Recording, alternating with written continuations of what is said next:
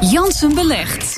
Ja, we gaan eens even kijken hoe het ervoor eh, staat eh, in jouw eh, beleggingsportefeuille. Hoe, hoe, staat het ervoor? Hoe gaat het eigenlijk? Nou, het gaat op zich goed. Het staat in de plus en iets meer ook dan vorige week. De stemming is veranderd op de beurzen. Ondanks de problemen in Turkije, opkomende markten. De stemming is opperbest. Zie je vandaag, ik zie alleen maar, vrijwel alleen maar groen op de borden.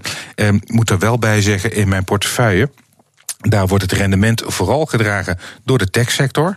ASML doet het goed. En wat een absolute topper is, is uh, Apple. Als je kijkt naar eh, ABN AMRO, AB InBev, de grootste brouwer ter wereld. Ondanks een uitstekende zomer, blijft achter. En ook Facebook heeft natuurlijk uh, wat problemen gehad deze zomer. Dus die blijven achter. Maar overal is het rendement dus positief. Ja, en positief, flink positief, klein beetje positief. Uh, klein, bootje, klein beetje positief, mag wat beter. alles weten hoor. Ja, nee, dat, dat, dat, is, uh, dat is terecht. Ik had ook wel het idee om uh, wat ik dan vorige week noemde, onkruidwieden. Ja. de, zeg maar de, de slechte eruit te gooien. De slechte eruit te gooien. Nou, daar is nogal wat kritiek op gekomen. Dus ga je niet doen? Nou, er is wel wat voor te zeggen. Kijk, um, ik geef wat het niet goed doet. En ik had het idee om ABN AMRO en NN Group, de verzekeraar, tegen het licht te houden. Die laatste staat inmiddels in de plus. En uh, ik hou ABN AMRO er ook nog wel even in. Heb je laten um, overtuigen? Nou, kijk, er zijn twee dingen. Op zich is beleggen voor de lange termijn betekent, hè, verstandig beleggen lange termijn betekent inderdaad gewoon goede selectie vooraf. Ik ben ook wel tevreden over die selectie. Maar dat betekent ook dat je de tijd moet geven, lange termijn. Niet meteen als het tegen zit. Um, gaan verkopen. Nou zit ik natuurlijk hier met een rubriek, dus ik kan niet... Uh, ik kan niet jarenlang gaan zitten Nee, ik, de rubriek houdt op als ik nu uh, 10.000 euro meteen in één keer vastleg... en dan over vijf jaar terugkom. Nee.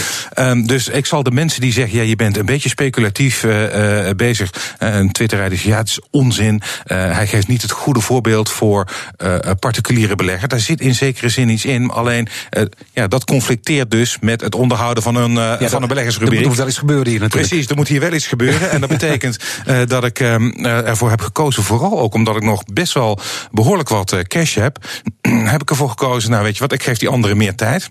Maar je gaat wel, hebt wel gekocht. Dus dan hou je die inderdaad uh, op de lange termijn. Maar ik heb inderdaad bijgekocht. Wat heb je gekocht? Ik heb het Chinese Tencent gekocht. En, pardon. Chinese Tencent.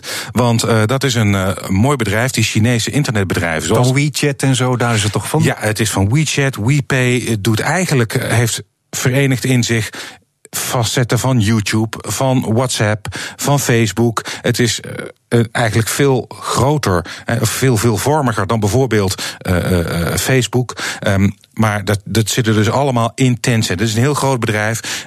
meer dan 430 miljard dollar is het inmiddels waard. er is natuurlijk risico's aan, want het is een Chinees bedrijf. Dus als het gaat om corporate governance, ja, gaat het daar wel wat anders dan in Europa of in Amerika. Maar niettemin heb ik er wel vertrouwen in dat daar ook nog heel veel groei in zit. Ze laten ook heel veel groei zien. ze hebben afgelopen cijferperiode zijn die aandelen behoorlijk naar beneden gekomen. Viel wat tegen, maar ik denk dat dat op de lange termijn. Er kan meer winst in zitten. Precies. Uh, nou ja, ik denk dat als je zegt van.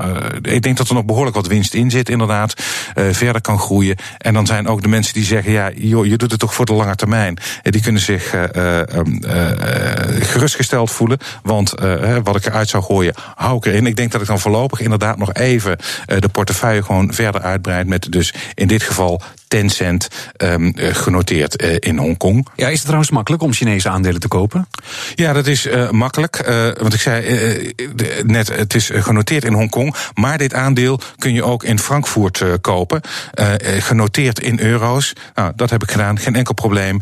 dat is met één muisklik geregeld. Oké, okay, dankjewel Rob Jansen.